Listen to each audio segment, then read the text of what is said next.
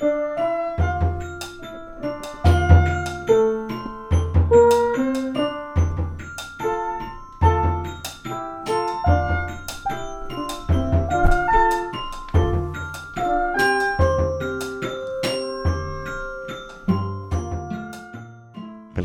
til nok en episode av podkasten Lyden av lur. Podkasten der jeg, Fredrik Lur Ditriksson, prøver å formidle den gode samtalen om musikk. I denne episoden skal vi bli bedre kjent med en god venn og en god kollega. Men før det så skal vi ha premiere på et podkast-triks. Jeg er jo i stadig utvikling som podkastvert, og for å sikre at eh, dere som hører på podkasten skal bli nysgjerrig på den neste episoden, så kommer det rett og slett her en uh, liten uh, reklame og et frampek på hva som kommer i neste episode. Jeg spiller i bandet Significant Time, og i forbindelse med plateinnspilling nå i november, så slo jeg på tråden til primus motor i bandet Signe Irene Time for å ta en rask statusrapport før innspilling. Og neste episode, da kommer det et oppfølgingsintervju der vi forteller litt om hvordan innspillingen gikk, og skal selvsagt bli bedre kjent med Signe Irene. Så her kommer da en liten teaser.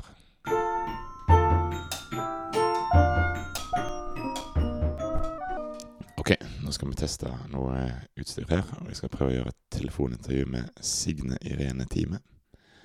Så da slår vi på tråden nå.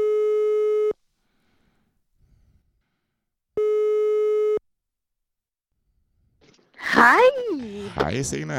Det er Fredrik som ringer. Halloen! Hører du meg? Det var hyggelig. Klart jeg hører deg. Du er nemlig nå på opptak, for jeg tester ut eh, om det går an å gjøre telefonintervju til podkasten min.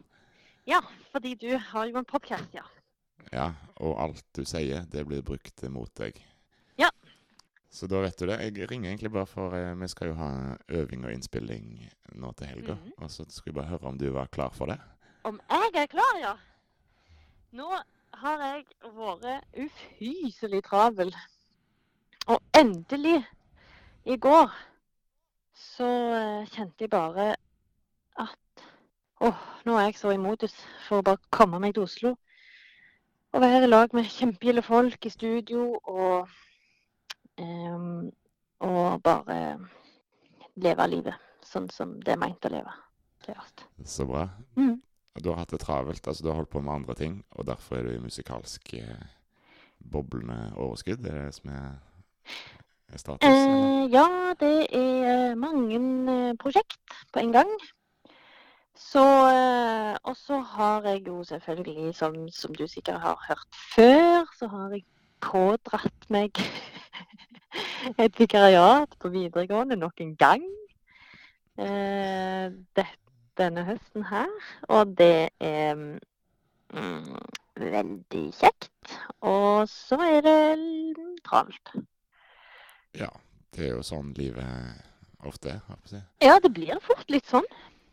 Men eh, jeg tenkte nemlig at hvis du har lyst, da, så tenkte jeg dette er bare en sånn kort eh, reklame. Så kanskje jeg sniker dette inn som en sånn teaser i eh, en kommende podkast-episode. Og så tenkte jeg at vi kunne ta en sånn oppfølgingsprat etter vi har vært i studio, f.eks. Er det noe du eh, kunne vært med på? Å ja! Og du, er dette er for real? Så at dette faktisk er Vil du ha meg i en episode?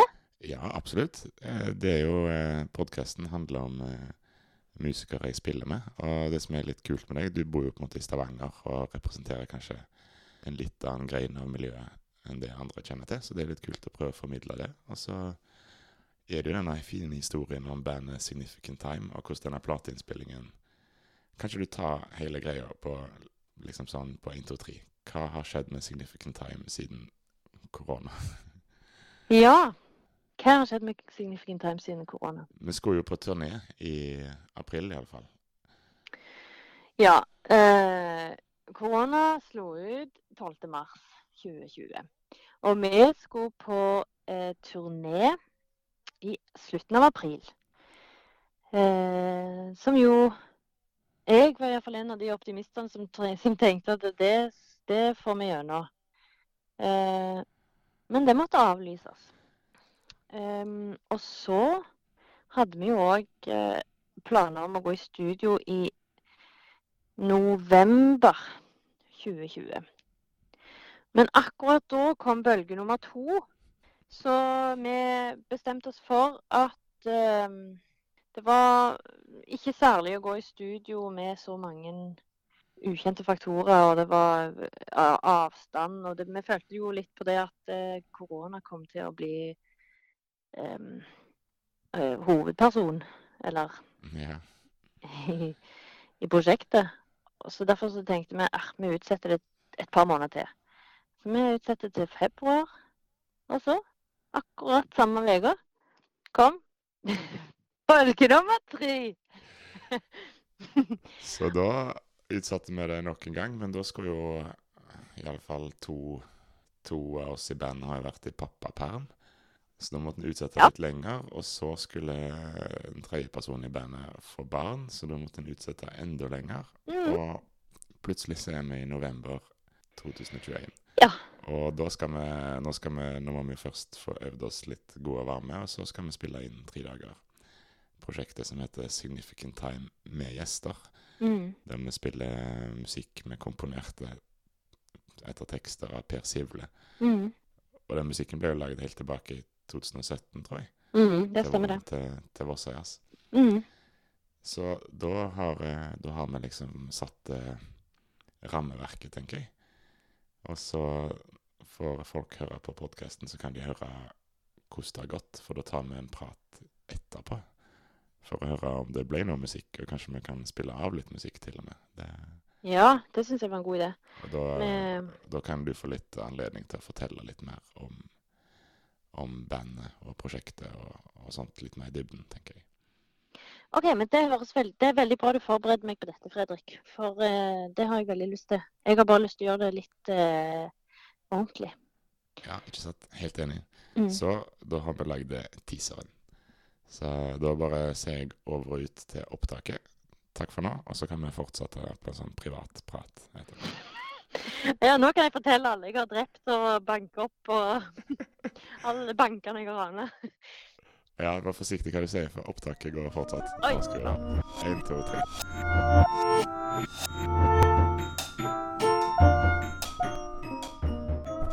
Der fikk dere høre en smakebit av Significant Time, Signy Rene Time og Vossa Stubber.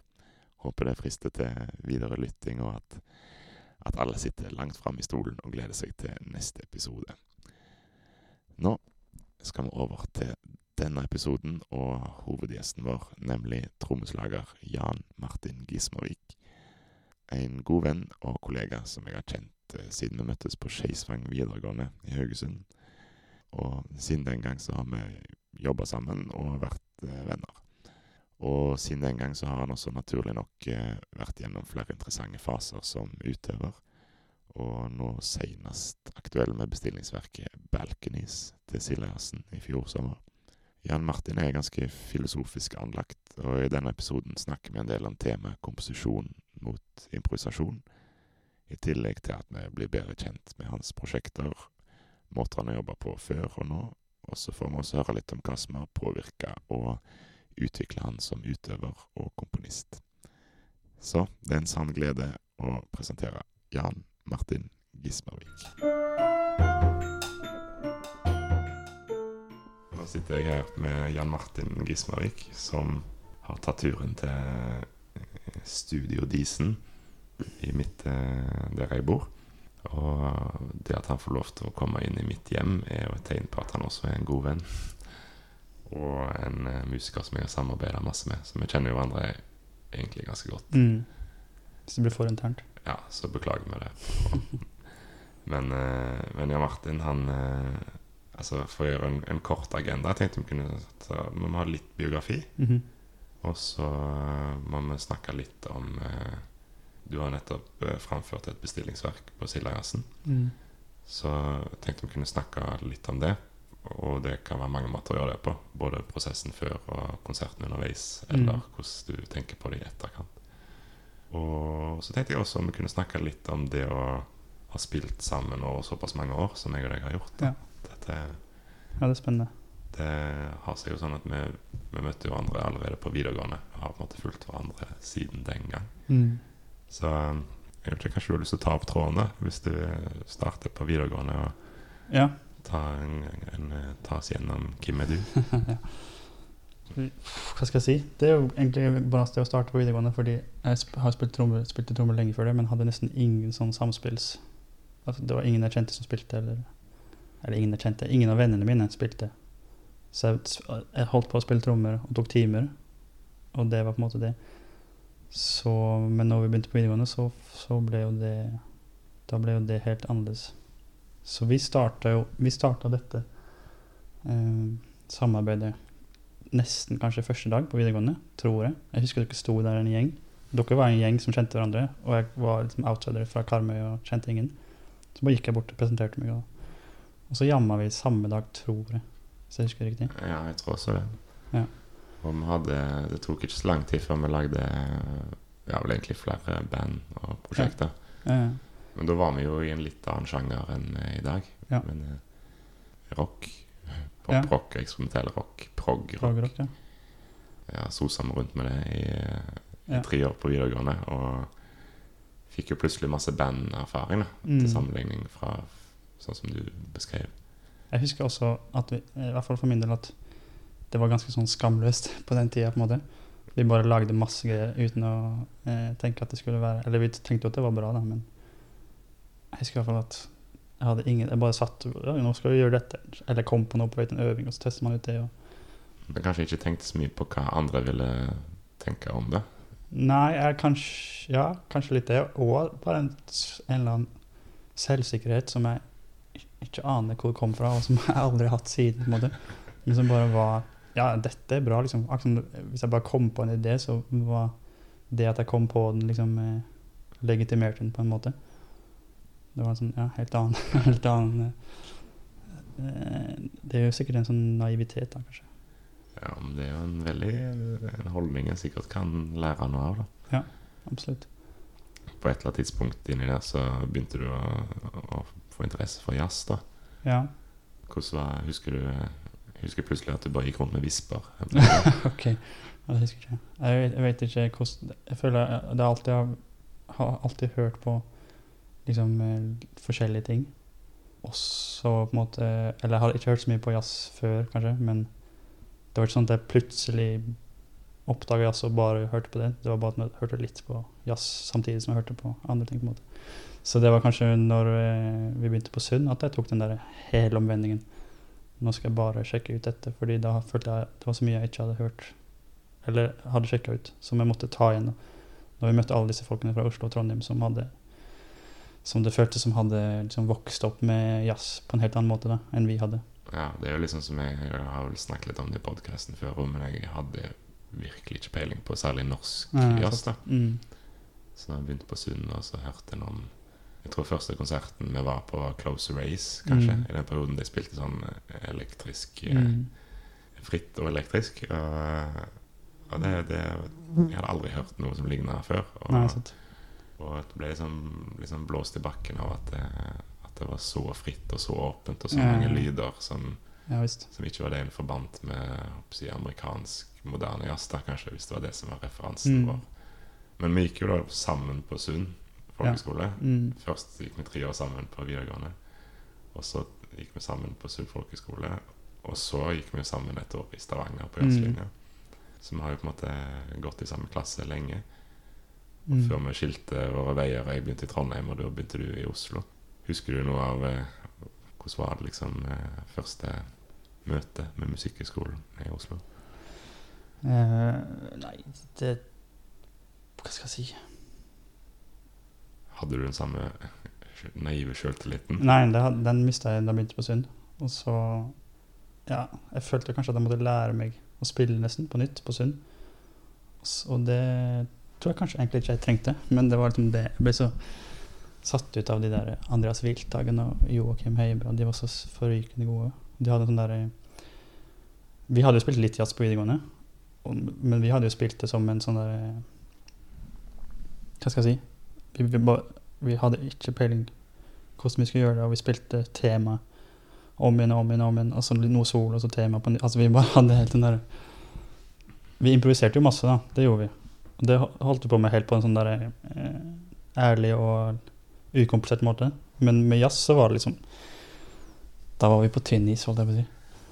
Ja, det føltes veldig som, eh, som en slags sånn eh, billig kopi av Ja. noe. Som prøver å gjenskape noe uten at du egentlig har det under huden. da. Ja, ja, fordi tynn is var kanskje feil. Fordi det var mer at vi hadde ikke noe sånn der eh, naturlighet i det, på en måte. Sånn som vi hadde når vi Sånn som meg og deg og Halvor, drev og improviserte og, og, og holdt på og hadde ikke noe i Da hadde vi litt den der samme naive selvtilliten som vi hadde på alt annet. Mens på Mm. jazz var det mer sånn at vi prøv, prøvde liksom å kopiere et eller annet som vi hadde litt fått beskjed av lærere, kanskje litt hørt på noe. Og så, og så kom vi på Sund, og så, og så fikk jeg høre Andreas og, og Joakim og andre som spilte på en måte jazz på den måten som vi hadde liksom spilt eh, pop og rock før. Da. At de Mm. hadde sånn De beherska språket ja, og de hadde sånn derre Det var Plutselig var det noe hipt med det, liksom. Og det var da jeg lærte å si hipt også, forresten. På Sund.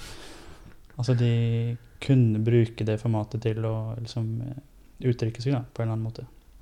Det var litt en sjokkerende opplevelse for meg. mm. Så da følte jeg måtte eh, Jeg eh, husker iallfall at du la ned mange egenøvingstimer. ja. ja, det var litt sånn panikk, altså. Her må jeg enten stå på, eller så er det bare å, å gi opp. Føltes det som da, da. Men som sagt, i ettertid så tror jeg kanskje jeg kunne tatt alt mye mer med ro, altså.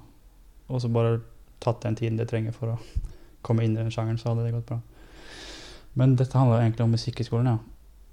Så det var Hvorfor snakke om dette? Jo, det var bare en kommentar på at den der selvtilliten, den var forbi for lenge siden. Så det var litt samme når jeg kom på NMH, at det var veldig Jeg brukte nok litt ganske lang tid før jeg tenkte at, at jeg hadde noe å gjøre der, og at det var At man ikke skal heller der gå og liksom kopiere noen eller passe inn i et eller annet. måte. Jeg tror det tok liksom kanskje to år før jeg bare sånn OK, her kan man også bare gjøre sånn som man vil, og, og holde på og Men du har jo tross alt satt deg i den situasjonen. Du har søkt på disse skolene og Ja. har prøvespilt og mm, har kommet inn, så en har jo vært eh, mer enn god nok. mm, Selv om, en, eh, selv om det er jo vanskelig å alltid ha like høy sjøltillit. Ja. Jeg tror det det er veldig lett når, når man er ung, i hvert fall for meg, å få sånne ideer om hvordan ting skal være. Så for eksempel, når jeg gikk på Musikkhøgskolen, så var liksom ideen, i hvert fall i mitt hode, at man skulle være Kanskje først, først og fremst så skulle man kunne spille høyt og, og liksom fritt og energisk og utadvendt.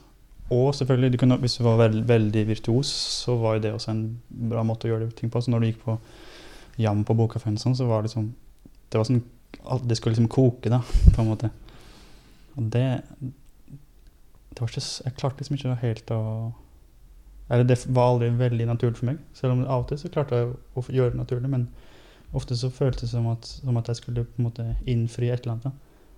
Ja, jeg kjenner meg veldig igjen i den der Njam-situasjonen. Ja. Og at det er ganske sånn spesifikke idealer eller krav Mm. til hva en sjøl tror at andre tenker. Eh, Ja, for det kom jo innenfra, på en måte. Men jeg var faktisk jeg var på NMH for ikke så lenge siden og så en jam. Og så fikk jeg skikkelig sånn flashback til den tiden. fordi Og da ble jeg på en måte påminnet om den følelsen, da, når du ser noen spille. Og eh, at det er på en måte masse lyd og masse bevegelse og mange toner. da. Mm. Og det er så sterkt, da, det er på en måte inntrykket. Så, men hvis, måte, hvis du lukker øynene og bare hører etter hva er det denne personen eh, eh, formidler, så er ikke det nødvendigvis like sterkt som hele det der inntrykket man får av å komme inn i et rom, og liksom det er det føles som her koker det, og så tenker du at du sjøl skal gå opp liksom, og, og framkalle den samme, samme energien, på en måte. Jeg tror det er litt sånn eh, Det er sikkert folk veldig forskjellige, da. Med om en er Jeg kan få sånt hvis det, hvis det går inn på Eller hvis jeg hadde gått inn på et diskotek for Ja. å danse, Mm. så ville jeg følt meg litt ubekvem, fordi det er litt det samme at en føler at det er visse eh, krav til, Mm. til hvordan du skal danse, hvordan du skal te deg og, Ja. for, å være, for å være kul. Og hvis en ikke er komfortabel med det, så føler en seg veldig ukomfortabel Mm. sjøl. Men jeg tenker jo ikke nødvendigvis sånn om de andre i diskoteket som danser litt rart. Nei, nei, nei. Mm. Så det er jo mye som kommer nok innenfra også på sånne ting. Altså. Men eh, Ja, på en måte kommer jo alt, alt innenfra. Også, men så er det sikkert fortsatt eh, Så skal det ikke mer til enn at én person gjør noe annet på en kul måte, før det plutselig har åpna et rom som mange flere kan eh, kjenne seg igjen i, eller finne plass i. Så det kommer alt innenfra, men, men det er ikke sånn at ytre faktorer ikke har noe å si heller. på en måte. Nei. Men eh, det er jo også litt bare når man vokser opp, da. Så, for det er, jo, det er kanskje spesielt i, i sånn studenttiden eller 20-årene at disse tingene eh, virker sterkest, kanskje? Eller er du enig i det? ja, jeg tror Altså, jeg bare husker den studietida som var veldig Ganske få mennesker som var ganske spesifikke i, i retningen. da. Ja. Så på en måte miljøet blir smalt, eller Ja, veldig Hvis en klarer å bryte med det miljøet, så kan du enten Du kan jo selvsagt eh, Det kan jo sikkert være dumt òg, men hvis du klarer å bryte med det på en fin måte Ikke Mm. nødvendigvis på jam, men hvis du har laget et band som spiller litt annen musikk, da, Ja, sant. Så framstår det plutselig veldig mye dypere enn Mm. en kalle de andre bandene rundt, Ja. eh, rundt Mm. en. For eksempel når vi da spilte med PGA, spilte duo, improvisert musikk som var ganske mye mer sånn lavmælt, Mm. eller eh, lydorientert, kanskje. Mm. Det skilte seg veldig fra den der en eh, Coltrane, eh, saksofonbaserte frijassen som på en måte dominerte mye av de andre bandene. S- Som iallfall i mine, i mine ører når jeg hører Mm. tilbake på det. Ikke at eh, PGA nødvendigvis ble en eh, kommersiell suksess, men det, det viser Nei, iallfall men det var viktig for, viktig for oss, måte. Mm. Og eh, det kom på når du sa det også, det der med At jeg alltid syns det har vært vanskelig å spille musikk der det på en måte Der det finnes en slags I hvert fall en ganske tydelig fasit, eller et ideal, på hvordan dette gjøres på, på en god måte. Og på en måte publikum sitter med den samme fasiten. Altså det, det mest tydelige eksempelet er jo kanskje i hvert fall eh, en del klassisk musikk der, der nivået og idealet er blitt så utrolig sterkt at du skal liksom Det er bare noen veldig veldig få mennesker som på en måte eh, klarer å få det til, eller klarer å passe inn der. Og så er det veldig mange mennesker som kan alle kodene, og som kan sitte og, og høre eller se på og liksom bare sånn ja, nei, mm, nei, det var ikke helt, der var du ikke helt der, eller Alle sitter liksom med fasiten, da. Og det, sånn kan det være litt, i hvert fall i en sånn studenttilværelse med jazz også, at det føles som at du skal innfri et eller annet som alle vet hva er, på en måte. Eh, og så skal du gjøre det på en overbevisende måte i tillegg. Så da, da er det veldig befriende med sånn som f.eks. vi gjorde med PGA. Der hadde vi jo ikke noe sånn der. Vi hadde, kanskje, hadde selvfølgelig noen dogmer og ting vi forholdt oss til, og, og det var jo på ingen måte liksom ny musikk. Men jeg tror for oss likevel så føltes det som at sånn Her kan vi på en måte bare sjekke ut de tingene vi er interessert i. Og selv om det var lavmælt og liksom improvisert, så drev vi også og spilte masse sånne der enkle gruver. og Det var plass til litt forskjellig. Ja, jeg husker iallfall det bandet som en, eller det prosjektet som er veldig sånn et, et lekested som skilte Mm. seg litt fra de andre bandene vi spilte i. På den tida så hadde jo vi Ja, vi spilte veldig flere band, men vi hadde jo vi hadde en trio som het Shotgun, sammen med Øyvind Dale. Og det var f.eks. en trio som var mye mer eh, Den hadde mye flere sjangerspesifikke krav. Mm. Med Ja, absolutt. kalle liksom svingbasert energi, jazz. Mm. Eh, og vi spilte i eh, ja, Wolfram med Halvor Meling på saks. Som var mer eh, Det var jo fritt improvisert, men det var jo, vel, det var jo på en måte en viss type energikrav Mm. i det. Ja, helt klart. Mm. Så plutselig kom PGA. Der vi, eneste dogmen vi starta med, var at PGA var liksom en slags sånn Det står jo for Professional Golf Association. Så vi skulle liksom spille 18 hull, eller 18 Mm. korte stykker. Men det tok så innmari lang tid før vi klarte ikke å spille så kort. Så, så vi gjorde det ned til en nihullsbane og og Ja. spilte ni, ni små stykker. Så det var på en måte Der satt vi rammeverket på den måten. Og så var Ja. på en måte det en gjorde innenfor de ni små stykkene, var egentlig veldig opp til oss. Ja. Og så utvikla dette seg, og så ble det konserter. Og, Mm. og så ble det plutselig noe annet. Eller eh, gikk bort fra den, den ramma. Men jeg var inne på Wikipedia-sida di. Ja. Der står det står PGA Den plata var den heter Corrections. Ja. Men det er sånn automatisk oversettelse, så den, okay. den omtales som rettelser. Ja, ja, ja, stemmer det. Ja, av og til så går jeg inn på den for å sjekke, for jeg har jo ikke hatt noe med den å gjøre. Jeg tror den er sånn autogen Jeg er kanskje ikke helt autogen, jeg vet ikke hvordan det funker. Av og til så går jeg inn på for å håpe at liksom den skal være oppdatert, og, men det blir den ikke. da. Jeg vet ikke hva som skal til for at noen tar tak i det. Nei, men det kan jo hende at um PGA har fått veldig mye plass i den. Ja. Og så har, jo, har gjort veldig mye andre ting siden det. Ja. og gjestene på den plata har fått stor plass Ja. på en måte på den siden. Men det er flott, det, da. Ja, nå snakker vi oss litt bort i studietida, men eh, Mm. sånn er det. Ja, siden det så har jo vi Altså, vi har spilt ganske mye sammen, og så har vi ikke spilt så mye sammen det siste året. Mm. Har du noen tanker om, om det? Eh, ja, det har jeg sikkert.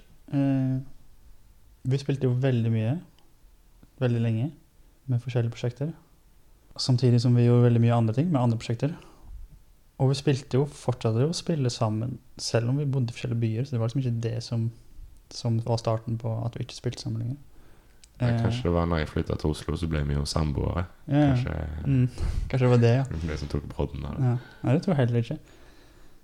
Altså, for først, nå spiller vi jo på en måte nesten ingenting for øyeblikket. Vi har gjort noen sånne ting. Det siste vi gjorde, er vel på plata til Hasse. Farmen, som er med han pop... Og før det så var, spilte vi sammen i Hva var det siste før det? Jord og jern, kanskje? Ja. Og eh, Alloy. Alloy, ja. Men så det var Jo, det var det jeg skulle si. Så, men akkurat nå spiller vi jo Altså, akkurat nå spiller vi jo ingenting.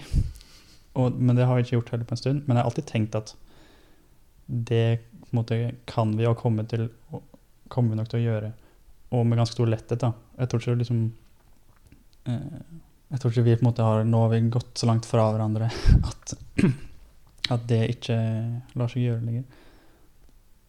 Som, hvorfor vi på en måte begynte å roe ned aktiviteten, det er litt spennende. Ja, jeg har ikke tenkt så mye på akkurat årsaken sjøl, men jeg har tenkt at det på en måte tenkt at det er litt synd, for det er veldig fint å, å spille sammen. Men det er nok litt det at vi har hatt Vi har havna i forskjellige i, i ulike band som har hatt ulik Eller hatt Mm. mye aktivitet på sin front. Ja.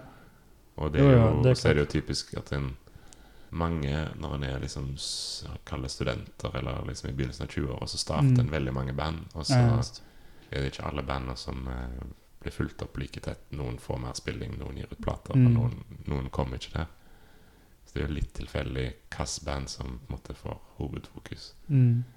Og, eh, Jeg tror vi var ganske Nå skal jeg bare prøve ut noen tanker på deg. kjør på. Vi kan klippe det hvis det blir, hvis det blir helt feil. Jeg tror vi var litt forskjellige på ett punkt også. Eh, jeg tror du var liksom litt proffere enn meg tidligere.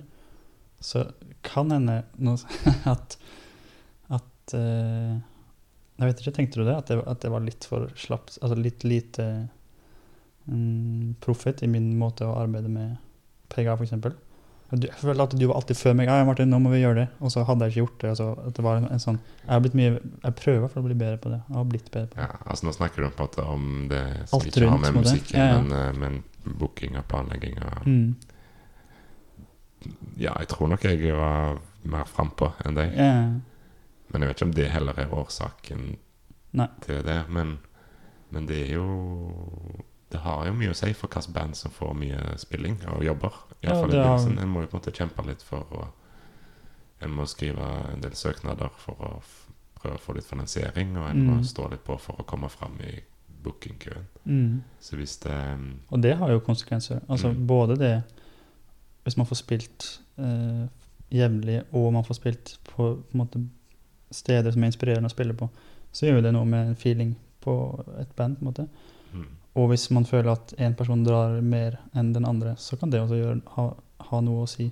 Så selv om det er liksom ut, utenfor musikken, så, så har jo disse tingene ganske mye å si likevel. Ja. Og så er, det, så er det sikkert Ofte så er det jo Eller som alltid i livet, så er det ofte noen tilfeldigheter inne i bildet Ja. samtidig. Og, men jeg tror jo, som du sier, vi jo, selv om vi på en måte har ikke spilt så mye sammen de siste åra, så er vi jo på en måte fortsatt ganske sånn åpne musikere. Mm. Det kunne vært eh, Ja, kanskje vi skal ha et pegga comeback, da. Ja, jeg ja. syns jeg absolutt vi skal. vi kan jo ha livekonsert på eh, Eller ha konsert på podkasten. Ja. Da, da, da kommer vi ut på Spotify dagen etterpå. vet du. Ja, ja. Mye lettere å slippe med plass. Ja, det er sant, det. Det er det, det er det det her handler om. En raskere vei til Spotify. Ja. En annen ting også som jeg har lurt på, uh, som, som kan være spennende å snakke om, er Jeg følte også at du var litt åpnere enn meg på den tiden, liksom. Siste liksom, tiden med PGA, så var jeg på en måte Akkurat som jeg følte jeg var på vei inn i en litt sånn streng, dogmatisk retning. Mens du var på en måte på vei i en sånn alt er lov-aktig Eller kjenner du deg igjen i det? Ja, ja, det kan jeg Så jeg kunne være veldig sånn der At det var veldig sånn Dette handler om lyd. Og så kunne det komme en sol fra deg, på en måte. Eller nå overdriver jeg litt, da, men mm. det var noe der, noe der som, som, som kan ha hatt noe å si på en måte, for, for hvilke band man på en måte velger å bruke tid på. Jeg tror du treffer ganske bra der òg. Kanskje. Jeg tror i hvert fall at Det jeg, Jeg har alltid sett på deg som ganske sånn retningssterk når Ja. du bestemmer deg for noe. Eh, og ganske spesifikk noen Mm. ganger. Sikkert mer enn meg, som er ja, kanskje iallfall på den tida at jeg var på en måte mer inne i en sånn eh, åpen sfære og, Ja. og liksom fleksibel tilnærming til musikk. da mm, bare la meg skyte inn der. Jeg føler, nå har jeg gått lenger i retning deg igjen, altså. så jeg mente ikke at Mm. Ja, bare så det er sagt. Ja. Jeg tror jeg var sånn ung, ung dogmatisk, holdt jeg på å si. Ja. Ung og streng. Men eh, Ja, så det var litt om eh, litt, altså, litt om bakgrunnen. En har eh, kommet fra prog, eh, rock-trommer som tenåring. Mm. eksperimentelle rockeband. Og så inn på Sund folkeskole og, og går i dybden på jazzen. Mm. Og du har jo vært gjennom alle disse tingene som folk øver. Altså Hva er det trommiser øver på? Sving? Sving, ja, og, og må passe på å ikke si noe feil. Ja. Nei, jeg har øvd masse på sving og, og rudimenter og teknikk og, og sånn. Ja, alt det der. Og Mhm. så har du på en måte kanskje de siste par årene gått inn i komposisjonsretningen Mm. på en måte parallelt mens du Eller hvordan ser du på den komposisjonsbiten av karrieren din? Mm, ja, jeg tenker at først så kom det en lang periode med masse bare improvisering, på en måte. Som er relevant fordi eh, når man driver og spiller improvisert musikk, så får man utforska ekstremt mye materiale.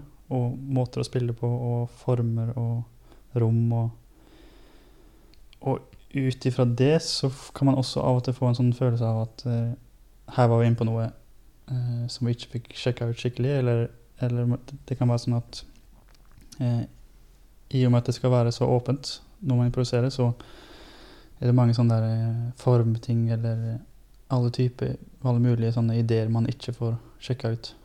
Som materialet kunne hatt godt av, eller som det ville vært spennende å sette materialet inn i. Og det ut ifra det at jeg fikk lyst til å begynne å måte, komponere mer. Da. For liksom, når man har holdt på en stund, så har man fått en ganske klar, klar og vag idé om estetikk, eller hva man liker å høre. Og så da følte jeg at her ville vært spennende å sjekke ut eh, forskjellige ting på litt mer eh, på en, Kanskje på en drøyere måte, eller på en mer gjennomtenkt måte. Eller. Mhm. Ja. Jeg kjenner meg iallfall delvis igjen i det hvis vi har gjort opptak noen ganger av konserter eller improviserte strekk. Og så Mhm. hører en på det etterpå, og så tenker en at den biten her skulle en gjerne Ja, ja, videre. Mm. Men, men du, har, altså, du har jo du har studert eh, Altså, du har tatt et halvt år med komposisjon på Musikkhøgskolen i tillegg? Eller Ja, det? Altså et er halvt et- års studie på Det et halvt år. års studie på ett år. Ja. Et sånn årskurs, på en måte. Og så nå går du master. Mm.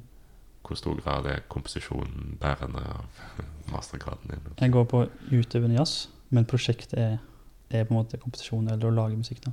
Mm. Så det er jo en liten selvmotsigende Nei, det, det er ikke eh, Så det er vel Alle prosjektene handler om det. Og så har jeg nå brukt veldig mye tid på ett prosjekt. Men også nå skal jeg prøve å gjøre noen sånne mindre prosjekter. Der jeg får sjekka ut liksom andre måter å eh, jobbe med det på. Og kort, kanskje liksom kortere prosesser og Jeg vet ikke. Det er litt uklart foreløpig. Ja. Men ja, det, det er liksom komposisjon som er Mm. temaet. For, altså, for, i, for å ta liksom litt i kontekst, så i fjor så fikk du den gjeve prisen, Sildajazzens eh, Hva er tittelen egentlig? Eh, Ja, tror. Eh, som er da mm, Norges største jazzfestival i Haugesund. Og da fikk du oppgaven å kvittere med en konsert Mm. året etterpå. Som er ganske vanlig i, i sånne prissammenhenger. At en, Mm. at en får lov til å lage seg et prosjekt eller vise noe av seg sjøl året Mm. etterpå. Og i år så kvitterte du da med et verk som heter 'Balconies'. Mm. Så liksom hvor, Når du fikk prisen begynte all, i fjor, begynte du allerede da å tenke på hva du ville gjort eh, på takkekonserten, eller? Eh, Ja, eller jeg tenkte at det var veldig praktisk å ha Det er ikke så ofte man har det, at man har en konsert om et år som du kan gjøre hva du vil. Mm. Så det er veldig luksus. Da hadde jeg planlagt å spille med Ina og Torstein. Eller å jobbe med de på masteren. Eh, så da tenkte jeg vel at da skulle, kunne jeg jo gjøre det, en trio med de på Siljasen. Og så, etter hvert, så ringtes meg og Andreas for å snakke om eh, hva dette kunne være. Eller liksom Ja, hva tenker du? Hva tenker vi om dette? Og han var veldig sånn eh, her kan du gjøre hva du vil, og vi skal prøve å legge, legge dette så godt til rette for det du har lyst til som mulig. Og han var skikkelig sånn der Skikkelig på og, og gira. Så da tenkte jeg kanskje at det er en god anledning til å, til å gjøre noe med et litt større ensemble. Og så hadde jeg allerede i tankene å gjøre noe med Eller spørre om, om Espen Reinertsen og Kristine Kjøgersen hadde lyst til å gjøre noe kanskje andre året på master. Så da bare slo oss sammen disse to. Og da var vi fem stykker. Og så hadde jeg tenkt lenge på at det hadde vært kult å gjøre noe med en annen pensjonist. Så det var lenge tanken at det skulle være to pensjonister. Og så klarte jeg aldri å få det helt til å gå opp, hvem det skulle være. Og,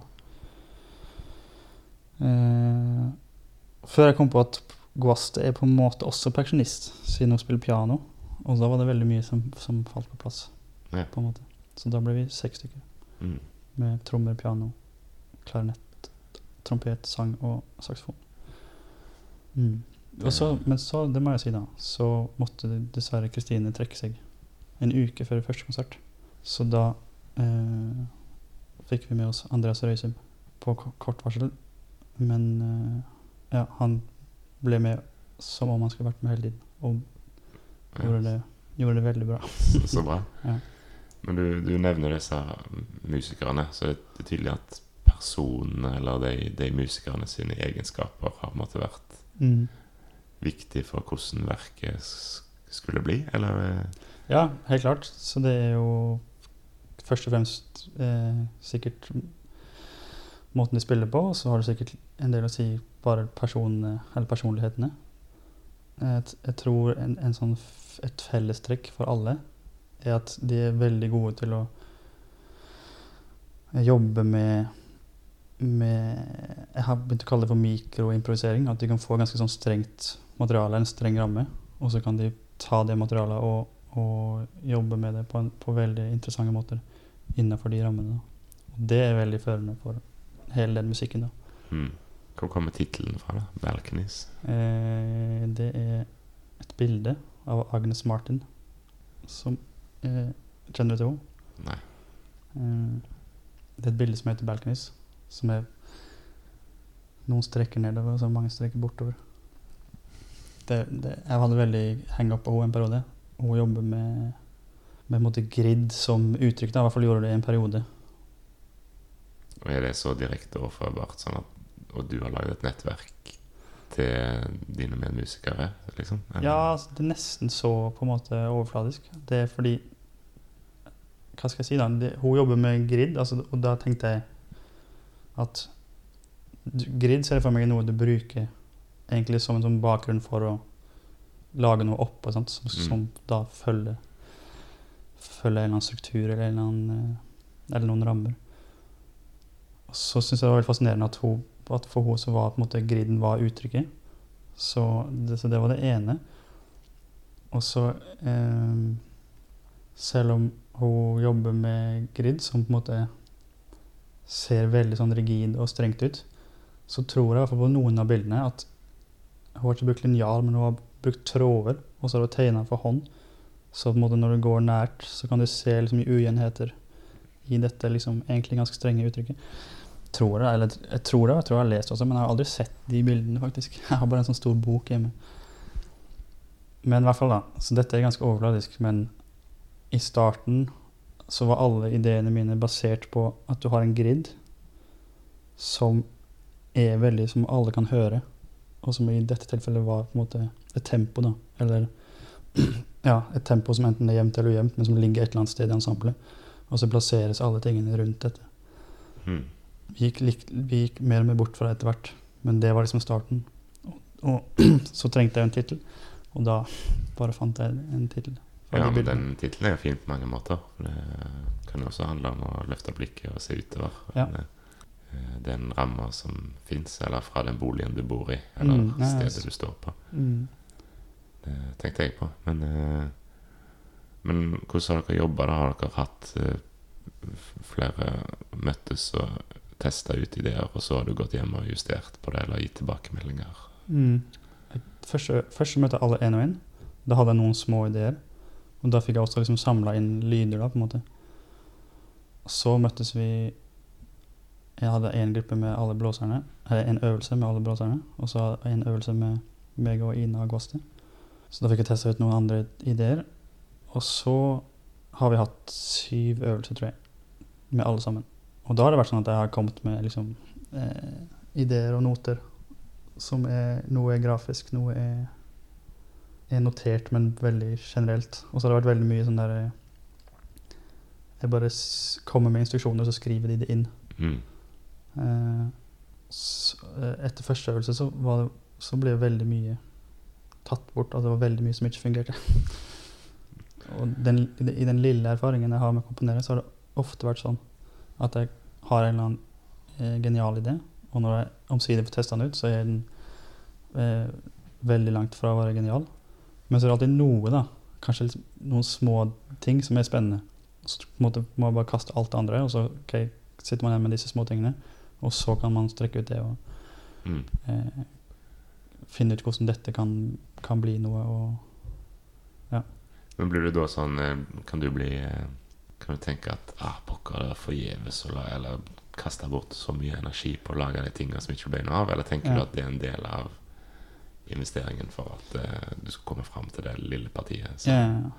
jeg vet jo, og det, det vet vi jo alle, at det ikke er forgjeves intellektuelt. Men det er veldig smertefullt likevel. Det å liksom ha troen på et eller annet, og så på en måte få bevist at det ikke var så bra som du håpte. da. Det er jo ikke Ja.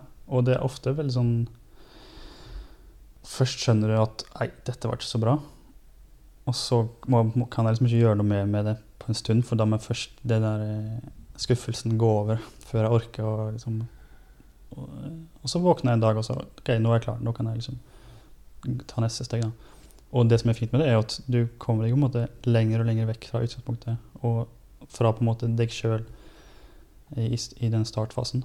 Så det, det blir veldig spennende etter hvert. Og det blir på en måte Jeg tror det blir bedre da, etter hvert, jo flere runder man tar med det.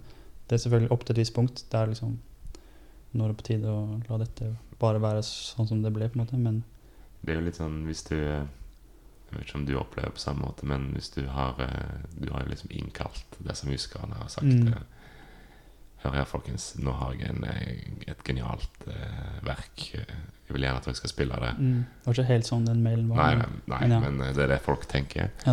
Og så, og så gir du notene til det, eller forslagene til de første låtene, så, eller eh, første utkastene, så, så blir det ikke helt sånn som du har tenkt. Tenker du da at eh, nå må jeg stå her og nå må jeg stå i det og vise at eh, jo, dette er meg, eller dette er sånn som det skal være, men så tenker du inni deg at nei, dette var ikke så bra som jeg Ja, sånn, ja. Eller liksom En legger på en måte eller det, det prøver å si, at kanskje du legger på en måte hodet ditt på Ikke for hugg, men eh, Mm. Jo, men en, åpner, en, en åpner, en åpner seg jo veldig opp, da. Ja. Eh, samtidig som en da Og da blir en kanskje sårbar for, eh, for at det er ting som ikke blir sånn som en har tenkt. Mm. Jeg syns det kan være vanskelig hvis jeg har lagd en låt, og så hvis jeg ikke får den mottagelsen, eller at jeg sjøl opplever at det ikke blir så bra som jeg har tenkt. det. Ja, det, jeg, det er jo det skumleste, da. Og at du kommer med noe, og så skjønner du sjøl at det er drit, på en måte. For da, hvis du på en måte syns det er bra, men du ikke får en respons for det, det syns jeg er lettere i- i konteksten at jeg syns alt er vanskelig, da. Men det syns jeg er lettere å liksom tro på noe sjøl og og ta, ta det ansvaret for at dette kommer til å funke liksom, i formen. Men å skjønne sjøl at det, dette ikke er bra, den er mye verre. Fordi man er fortsatt samla på et sted og skal eh, gjennomføre en øvelse. Og, ja. og så er det vanskelig fordi du, i hvert fall for min del som har så lite erfaring med det, så er jeg så utrolig langt fra å være objektiv i en sånn setting. Og i tillegg så spiller jeg jo sjøl, så hvis jeg bare kunne sittet og hørt på, så ville det vært mye lettere. Men når du spiller sjøl en idé som du har lagd, og så fungerer den på en måte i rommet og i denne sammensetninga av instrumenter på en helt annen måte enn det som var tenkt, og enn det som på en måte var liksom kjernen i ideen, eller ideen om hva dette skal handle om, når det, den Det kan være liksom et eller annet variasjon på et eller annet detaljnivå, eller det kan være eh, noen type doblinger, eller et eller annet som, som du syns gjør at dette er spennende. Og når det faller bort, så føles det føles som at hele grunnlaget for ideen faller bort. Da kan det likevel hende at det er noe annet der som er veldig spennende, men det får ikke jeg med meg, Fordi da har jeg liksom jeg bare Ok, dette er tapt sak. Her gjelder det bare å komme seg videre, på en måte.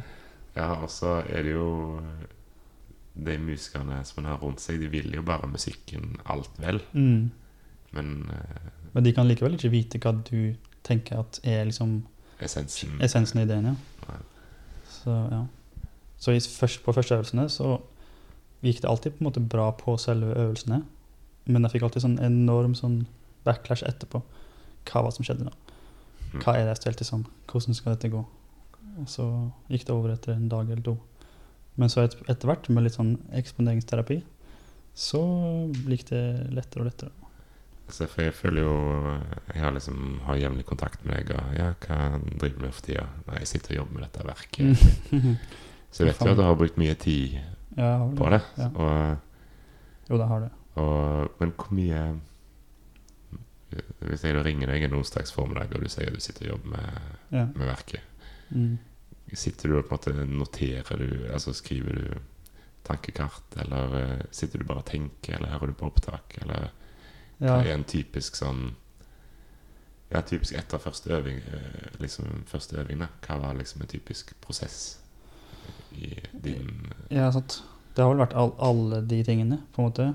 Og jeg har ingen sånne faste Jeg, jeg har ennå ikke funnet ut hvordan jeg jobber, skal jobbe med dette. Og det er vel mm, jeg, jeg, bare prøver å tenke om man, om man finner ut det. Det gjør man kanskje. Eller noen gjør sikkert det. Jeg tror at når man starter og har en eller annen vag idé om at man skal sjekke ut et eller annet, så, så skal jo alt oppdages, på en måte. Du skal oppdage både hvordan du vil at noe skal låte og former, men også hvordan du jobber. da. Og det er en like stor del av det som som uh, selve liksom smaken på en måte i det. Du har en eller annen idé eller en, eller annen hypot- hypotese nesten om at hvis vi gjør noe sånt, så tror jeg det kan være interessant. Og så gjelder det å finne ut hvordan skal jeg få sjekka ut dette. Så Mm. da er sikkert noen er sikkert kjempegode til å høre dette i hodet, mens andre jobber med opptak og spiller inn lag på lag, og noen kan tegne. Og, ja. Så det føler jeg fortsatt at jeg egentlig ikke har, har ikke landa på noe sånn der fast metode, så jeg bare prøvde absolutt alt mulig for liksom å komme så langt som mulig før øvelsene. Og, så, og samtidig så tok jeg opp alle øvelsene, og så kunne bruke de opptakene for alt det er verdt. da. Og bare høre gjennom alt og så finne ut Oi, denne samklangen, her var det noe. Kanskje det kan brukes på, på dette materialet, eller ja. Så, så jobbe med de der De, de liksom få eh, håndfaste tingene som fantes. Jeg tror også at etter hvert Eller jeg kan se for meg at hvis man eh, over lang tid kommer liksom fram til et fast uttrykk, så tror jeg man i større grad også har en fast metode. Sånn at hvis du da hadde ringt meg, så ville jeg på en måte hatt en sånn Dette er måten jeg jobber på. Mm. Fordi da er på en måte materialet knytta til metoden, knytta til notasjonen. Altså alle de tingene henger sammen. da. Men det gjør det ikke for meg i det hele tatt. Det er bare kaos. Så det ville iallfall Hvis du hadde hatt en metode, så ville du kunne brukt mindre tid på å få samme resultat nå? tror Ja, eller Jeg tror når, når metode og materiale henger, henger bra sammen, så kommer man Man bruker sikkert like mye tid, det gjør man kanskje alltid, men man kommer lengre og dypere. og og du får det liksom mer i, i fingertuppene, som- eller det heter det uttrykket. At du kan Mm. liksom, du blir mer på en måte virtuos med din egen metode og ditt eget materiale. da. Mens på, for min del så handler det Så, så skal liksom Altså Ja, jeg vet ikke, jeg vet ikke hvordan jeg skal forklare det. Du, skal, du, du skjønner jo selvfølgelig hva jeg mener når du skal gjøre noe nytt. Altså, For å si på en annen måte, hvis du sitter på konsert, så er det veldig lett å bare tenke ja, dette var fint. Der ble det litt annerledes. Altså, du er liksom ekspert da, når du hører på andre. Men når du skal lage både, altså alt fra eh, byggverket til de små eh, detaljene eller ornamentene, så er det plutselig mye vanskeligere. Og man blir, går mye mer, altså man blir jo helt blind til slutt på hva er dette for noe. Når du kom på det, så hadde det liksom en, en nærmest fysisk virkning på deg å høre på det. Men den går jo over liksom, når du har jobba med det i timevis. Så. så det er det er jo en, en eh, rotete prosess. Ja, men eh, til slutt så ble det jo konsert da på Det ble konsert. Det ble, eh, var du redd for at det skulle bli avlyst pga. Av, eh, pandemi eller restriksjoner? Nei, eller? jeg trodde ikke Jeg hadde aldri tro på at det kom til å bli avlyst. Jeg var litt redd for at vi skulle Vi spilte på kampen hans. At jeg var redd for at vi skulle måtte spille sånn uh, digital konsert, holdt jeg på å si. Det var den største frykten. Mm. For det tror det, da ville den musikken falt helt gjennom, tror jeg. Det er ikke sikkert alle er enig i det, men jeg tror det. da. Men det slapp vi, da, heldigvis. Ja. Så det var bra. Så konserten kom, og gikk det sånn som eh, altså, så, Jeg har bare en Sånn som du beskriver det, at du, du, du er ganske bevisst på hvordan du ønsker at det skal høres ut. Det Mm. fins jo ulike former for musikk der det er større utfallsrom fra konsert til konsert. Men du hadde kanskje en ganske sånn spesifikk idé om hvordan, konserten eller hvordan musikken skulle bli. Ja, det er ganske stramt på en måte. Mm. Ble det som forventa, eller Det spørs når du Altså hvilke forventninger snakker vi om, holdt jeg Nei, dine egne, tenker jeg da. Jo, men du mener når i prosessen? Nei, Fordi prosessen har vært sånn der Jeg starter, og så da tenker jeg at dette kommer til å bli eh, helt genialt. Fordi jeg har et år på meg, liksom. Mm. Det er jo, og så, jo nærmere du kommer konserten, så blir jo Da blir potensialet for hva det kan bli, blir jo mindre jo mer du bestemmer. Og så når du på en måte på et eller annet punkt, så må du bare si at OK, nå er dette materialet. Nå får vi gjøre det beste ut av det. Ja, og da handler det om å gjøre framføringer av det materialet Ja, så bra som mulig. Ja. Sånn Framføring, men også sånne formmessige ting. da. For det, og det forandrer vi sånne småting fra konsert til konsert. Ja. Fordi, eh, fall mitt inntrykk når du jobber med, med liksom abstrakt materiale, er at formen på det har så mye å si på om materialet åpner seg eller ikke. på en måte. Mm. Og Fordi dere spilte Dette ble framført i, i Haugesund i um, Billedgalleriet, som er Ja. et veldig fint uh, lokale for akustisk musikk. mm, Og så spilte dere det et par uker seinere på, på Kampenjazz på Kaféteatret, som mm, også er et veldig fint lokale, men det er ganske annerledes Mm. lokale. Kanskje det var mer oppmikking, eller jeg vet ikke hvordan, hvordan Spilte helt akustisk der, faktisk. Men vi- vi var veldig usikre på det, så vi prøvde på lydsjekken så prøvde vi oss fram med noen sånne små høyttalere. Men vi, det var på en måte så lite forskjell at vi bestemte oss for å bare gjøre det helt akustisk. Det funka veldig bra. Mm. Var det stor forskjell på de to konsertene? Ja. Rommene har veldig mye å si. Så det, det blir jo på en måte kanskje litt mer dramatisk i billedgalleriet pga. klangen. Uh, ja, jeg tror det er ganske stor forskjell på det. Eh, Uten at jeg kan gi en veldig god beskrivelse av det. Mm. Vi spilte det også i Tønsberg mellom de konsertene, på non-figurativ musikk. Ja. Da spilte vi et helt lite tørt rom, så det var helt annerledes. Ja. Det at det skulle være akustisk, det var jo aldri noe sånn der eh, Det var først og fremst at det var veldig praktisk for meg å bare vite hva jeg har å forholde meg til. Fordi hvis du skal eh, lage ting som skal oppmykes, så er det liksom et enda et, et ledd å forholde seg til, på en måte. Både som praktisk hvem er det som styrer lyden, og men en annen ting er, da vil plutselig materialet oppføre seg helt annerledes igjen. Og da kan man plutselig tillate seg Man kan lage, få småting til å bli veldig store og alt det der. Men så det var helt sånn bare sånn praktisk en fin ramme å ha, at det var akustisk. Men så viste det seg å bli en en, en, en eh, liksom større ting enn jeg så for meg. Altså, det var veldig mange som kommenterte at det var kult at det var akustisk, og, og det var veldig gøy hvordan det forandra seg i rommene og alt det der. Så det, var, det, ble, det ble veldig gøy, akkurat det. Ja. ja, det er jo noen ganger så tenker jeg at eh, en styrer jo ikke jeg håper si, den historiske konteksten eller nødvendigvis den liksom, kulturelle konteksten. En blir satt i av andre. da. Det kan jo Mm. være anmeldere eller, eh, eller lyttere. Mm. Så det var jeg, jeg leste en sånn konsertrapport fra, fra Haugesund, fra Siljas, da, den, Mm. den dagen du framførte Eller dere framførte verket for første gang. Mm. Og da var liksom fokuset eh, var på trommeslagere litt, tror jeg, i, Ok. jeg husker riktig. Mm. Og da ble liksom dette med at det var liksom gruvorientert eh, Ble på en måte trukket fram som et poeng, Mm. men akustisk og, og stille. Ah, ja. Men ja, konteksten og eh, bli, Den blir jo plassert. Det er egentlig ikke det jeg vil fram til. men- Men det er jo også veldig fint, da. På en måte at, eh, at du legger fram noe, og så på en måte så vet publikum mye mer enn deg hva dette egentlig er. Fordi alle, både vi som spiller og når vi har laga det, så har vi, mister man jo Eller man blir for liksom nærsynt eller et eller annet. da. Så på en måte så, så vet publikum i alle fall like godt som deg hva dette er for noe, og minst like stor eh, rett til å eh, ha en formening om hva det er, hvilke referanser det er, hva det betyr, alt det der. Og det syns jeg er en veldig fin tanke, da, og befriende nesten.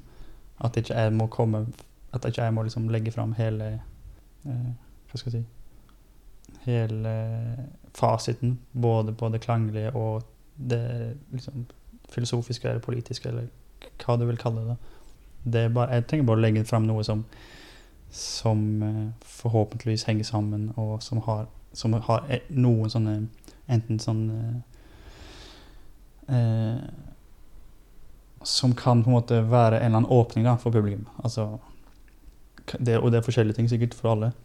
Men et eller annet som gjør at de, de eh, orker å sitte der og høre på.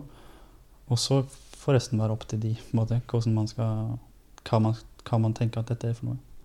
Når jeg hørte på den episoden du hadde med Audun Winger, så var det én ting dere ikke snakka om, som, jeg, som jeg håpet dere skulle snakke om, og det er nettopp den der eh, historiefortellingen, da, som, som, som han på en måte driver med eh, av yrke, og som vi på en måte i mindre eller større grad blir bedt om å gjøre, eller må gjøre, eller, eller gjøre frivillig i mange situasjoner.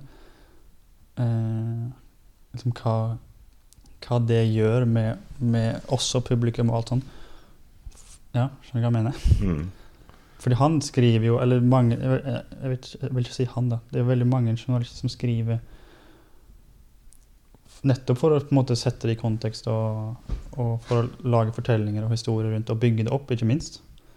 Og det kan jo også av og til være litt sånn derre eh, Man kan bli litt sånn eh, satt ut eller overraska over at noe som for oss er veldig sånn der eh, hverdagslig, kanskje, eller plutselig blir det haussa opp til noe For det skal passe inn i en eller annen fortelling de forteller. Eh, så av og til så kan man på en måte savne liksom realismen i det. Hvor tilfeldig og på en måte banalt og eh, hverdagslig på en måte alt dette er. Og det tror jeg at det også på en måte alltid har vært. da. At det er veldig Det er masse praktiske ting, masse tilfeldigheter, masse hverdagslige ting og masse overfladiske ting som er med å styre hvilke rom du spiller i, hvilke eh, festivaler, om du har tilgang på økonomi eller ikke. Alle disse tingene er jo, er jo først og fremst veldig sånn konkret og hverdagslig. Samtidig som det er jo flott at man lager en fortelling om det også, og liksom eh, lager et narrativ og, og, og bygger det opp på en måte. Og jeg kan se for meg at det er jo på en måte fordi må det jo være både en sjanger å, å uttrykke seg sjøl i, og et, et ønske om å liksom hente fram og Men likevel så er det, det er jo en sånn fascinerende sånn der eh, det, det er på en måte noen motsetninger ute og går, kanskje? Eller? Ja, jeg tror iallfall Jeg er veldig enig med deg. Jeg tror det er veldig mange tilfeldigheter som gjør at eh, noen trender blir mer synlige enn Mm. mer synlige enn andre. Eh, hvis det er én festivalsjef eller to som har en tilt til en type musikk, da, Mm. så er det plutselig Plutselig framstår det for iallfall folk som ikke er det innerste, innerste utøvermiljøet, så framstår det på en måte som det er det som er gjeldende. Ja, ja, sant. Mens i virkeligheten så er det Det er 100 band og musikere som driver med ganske ulike ting, og så er det plutselig Mm. bare fem av de som passer i, den, i det bildet. Mens alle jobber like hardt og er like nyskapende Mm. i, i sitt eget bilde. Mm. Så det, jeg føler for oss er det på en måte viktig å ikke la seg lure holdt jeg på å si, av, eh, av eh, hypen, eller hva man skal kalle det. på en måte. Men, men man må ikke være på en måte på andre sida heller, at man liksom skal være ikke skal ha noen ting å gjøre med, med hvordan man liksom, eh, presenterer musikk. Det, men det, det, det bare, jeg syns det bare er veldig spennende.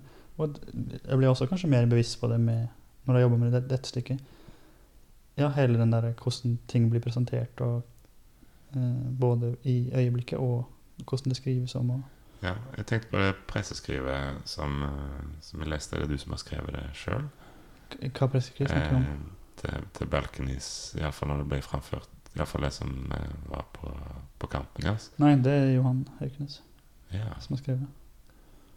Han skrev det før han eh, hadde hørt noe musikk, men han hadde kanskje noen referanse til den på måte, teksten de fikk når jeg snakket med dem. Men jeg syns han traff ganske bra likevel. Ja, Det var jo bra gjort. så du gikk god for det. Ja, Ja. Apropos det hvordan den ble presentert. Ja. Jeg var jo en gang på Kanskje du var der også? På konsert på Kongsbergers med han Nate Wooley, mm -hmm. trompetsolo. Og han er ganske eksperimentell. Og i liksom stikkordet til programmet så sto det 'lyrisk trompetjazz'. Mm. Så endte det opp med at det var ganske mange som gikk fra den konserten fordi de Mm. hadde forventa lyrisk trompetjazz, og så kom det eksperimentell eh, alternativ teknikk trompetkonsert. Sant. Men i konteksten alternativ trompetkonsert, så er det sikkert veldig mye mer lyrisk enn kanskje andre. Ikke sant? Veldig Men må, med det sant? Det er jo en blanding av å kjenne Kim en eh, jeg si, Kjenne sitt publikum. Ja.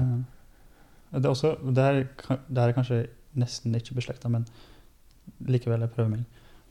Jeg har tenkt i det siste at mye av det, av de tingene jeg gjør, er jo på en måte sånn lydlig, så jeg kunne på en måte gjort det på et bord eller med noen stein. Altså, det hadde ikke trengt å være trommer.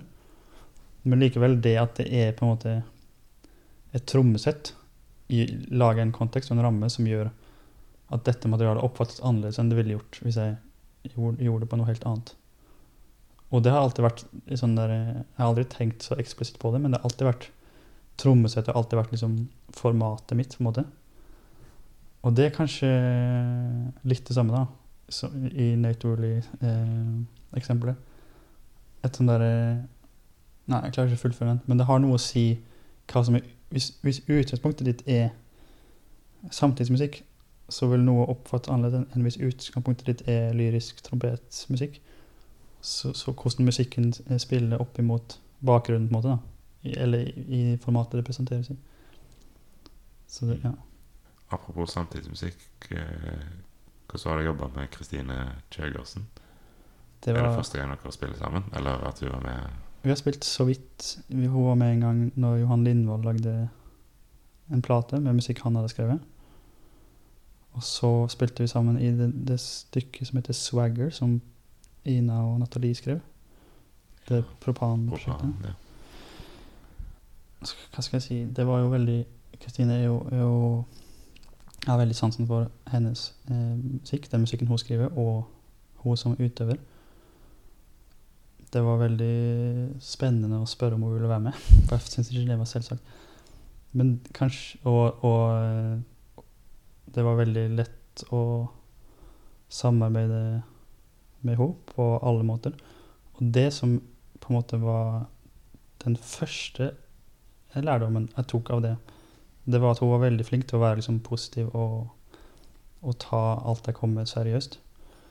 Og da tenkte jeg nei, det må jeg jammen huske å være. Hvis jeg blir spurt om å være med For det, jeg tror jeg kan lett bare på en måte være, bli med på et eller annet, og så er jeg der for å gjøre så godt jeg kan min jobb, men jeg litt, har liksom ikke følt for et, på et behov for å være så liksom eh, støttende, eller hva man skal kalle det. Men når, når jeg var på andre sida, Ja. så var det utrolig flott. At, no, at de var liksom sånn der Ja, ja, dette blir bra, og oi, så kult, dette er spennende.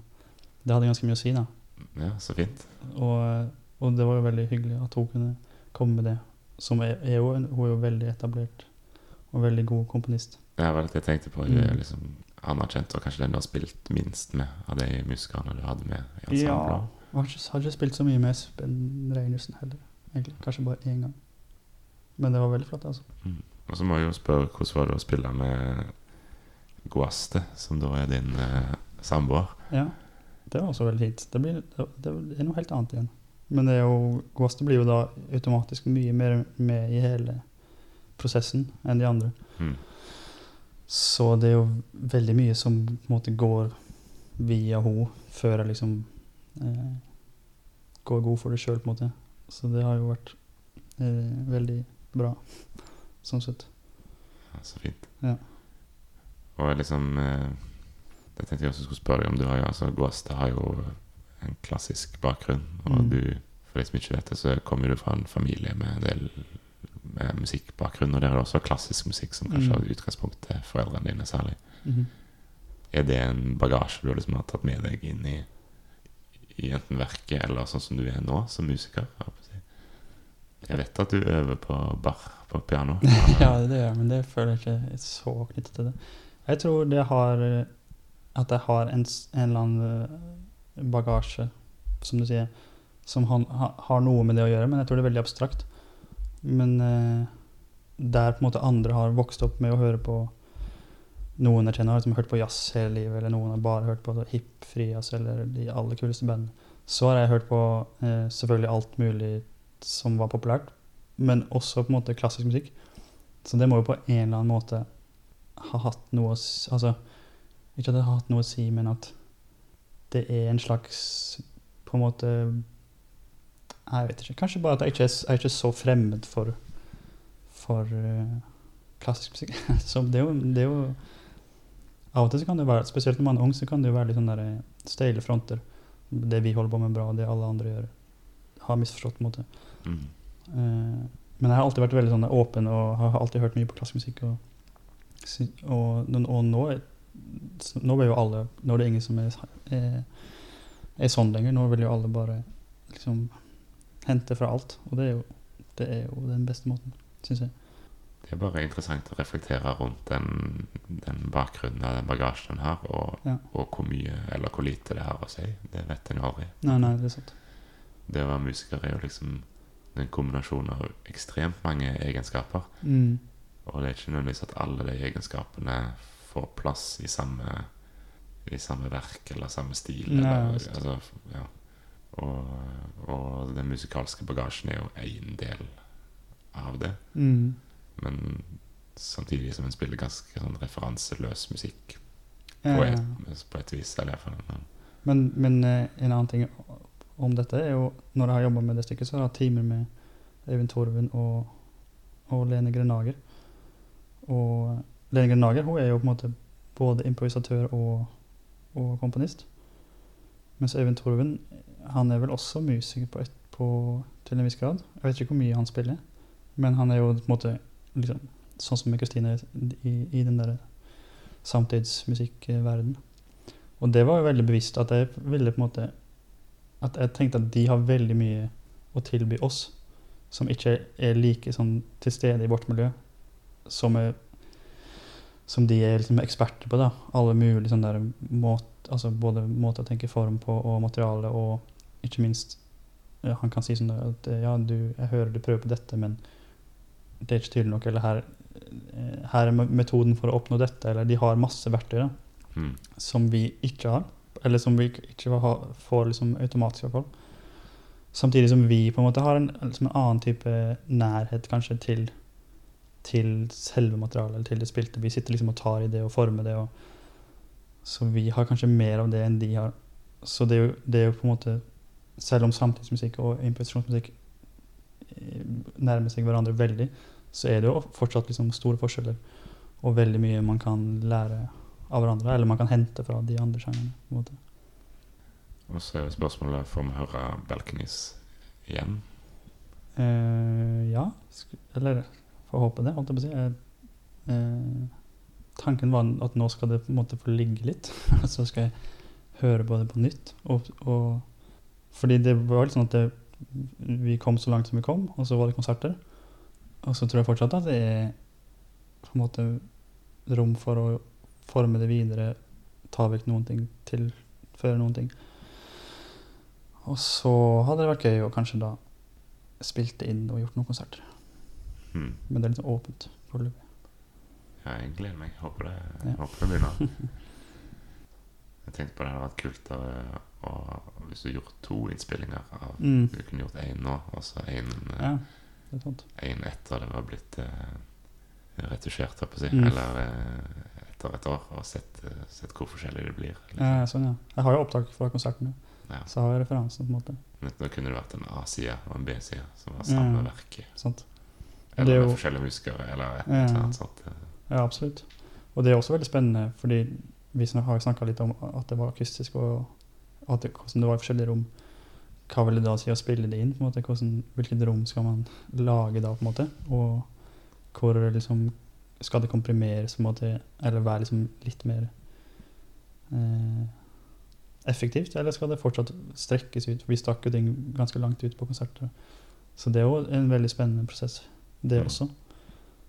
Er det noen andre overskrifter framover av innspilling eller band eller turneer som du har lyst til å fortelle om?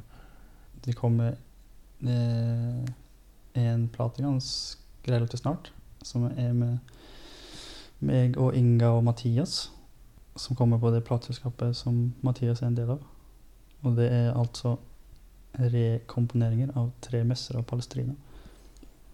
Så vi spilte det akkurat i Haugesund, på Podiumfestivalen. Så det blir en plate. Og så kommer det en uh, utgivelse med, med O, som er Helen og Inga, og, som, også, og meg. Så den kommer etter hvert. Ja, Palestrina, ja. Apropos Mm. klassisk musikk Ja. og, og fornying av det. Mm. Gleder meg til å høre. Ja, det er jo morsomt, fordi der er jo Der har du på en måte Mathias, som er klassisk musiker. Og så har du jeg som er på en måte noe annet. Og så har du Inga som er imellom, da, som har vært på en måte på begge sider av det. Og når meg og Mathias Vi hadde på en måte først og fremst lyst til å spille sammen. Og så må- måtte vi bare finne ut skulle, hvordan vi skulle gjøre det. Så da begynte det som Vi har gjort en plate med Goldberg-variasjonene, der vi har på en måte rekomponert det, så det høres jo helt annerledes ut. Og så fikk vi med oss Inga, og så gjorde vi dette Palestina-prosjektet, som er enda mer liksom eh, helhetlig, siden vi hadde på en måte kommet lenger i metoden når vi starta på det.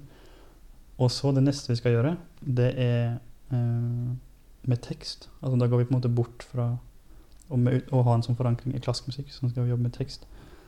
Så det blir veldig spennende, for da plutselig er det ikke lenger forankra i den klassiske musikken på en måte. Nei. Men vi har fortsatt liksom utvikla masse metoder da, for å jobbe med, med, med instruksjon utenfra, på en måte. Men teksten er det noen andre som har skrevet? Ja, det er altså Sappo, som er en sånn er dikter fra Hva blir det? Antikken? Men det, det er ganske kult å tenke på liksom, fra den Ja, for ti år siden, da når vi Ja. drev og spilte swing og frijazz-program, til at du nå eh, å si, Palestrina eller eh, Mm. Goldberg og, og, lage ditt kunstneriske uttrykk ut fra det. Jeg syns, Mm. det, det er skikkelig inspirerende. Og det viser jo at eh, karrieren kan ta mange slags eh, spennende veier. Mm. Og hva det er som styrer det, er liksom ikke så godt å si. Nei, det er ikke godt å si. Absolutt. Jeg kom på én plate til som jeg glemte å nevne, som, jeg, som jeg syns er veldig morsom, og det er nemlig en liveplate med Monkeyplot. Så vi har tatt masse opptak fra forskjellige turneer over kanskje en femårsperiode. Og så har vi valgt ut noe av det, men fortsatt ganske grovt. Og så sendte vi resten til Lasse Marhaug, og så har han liksom editert og miksa og holdt på. Og det ble, ble, jeg tror vi ble veldig overraska alle sammen over hvor spennende det var å høre det etter han hadde, hadde jobba med det. Så det har kommet etter hvert. Ja, så kult. Monkeyplot er jo et av de bandene som uh, har lengst fartstid hos deg, da, kanskje. Mm. Ja, Det det. må jo for øvrig sies at du er jo, har jo vunnet jeg håper å si Norgesmesterskapet i jazz, eh, jazzintro med Mm. Monkeyplot. det er lenge siden. Så den der en uh, påståtte mangelen på sjøltillit, den, uh, Ja. den eh, er nødvendigvis ikke så realistisk. eh. Nei. Men den er jo ikke Den, den forholder seg ikke til realisme, Nei, sant. på en måte. Ja, nei, men eh, jeg tror eh, Jeg tror vi har vært innom mye, jeg. Mm. tusen takk for at du ville være med. Selv takk. Det var veldig, det var veldig spennende. Vi får bare ta fortsette neste gang hvis du kommer på noe mer. Men, mm. men enn så lenge så må vi gi lytterne våre en pause. Så takk.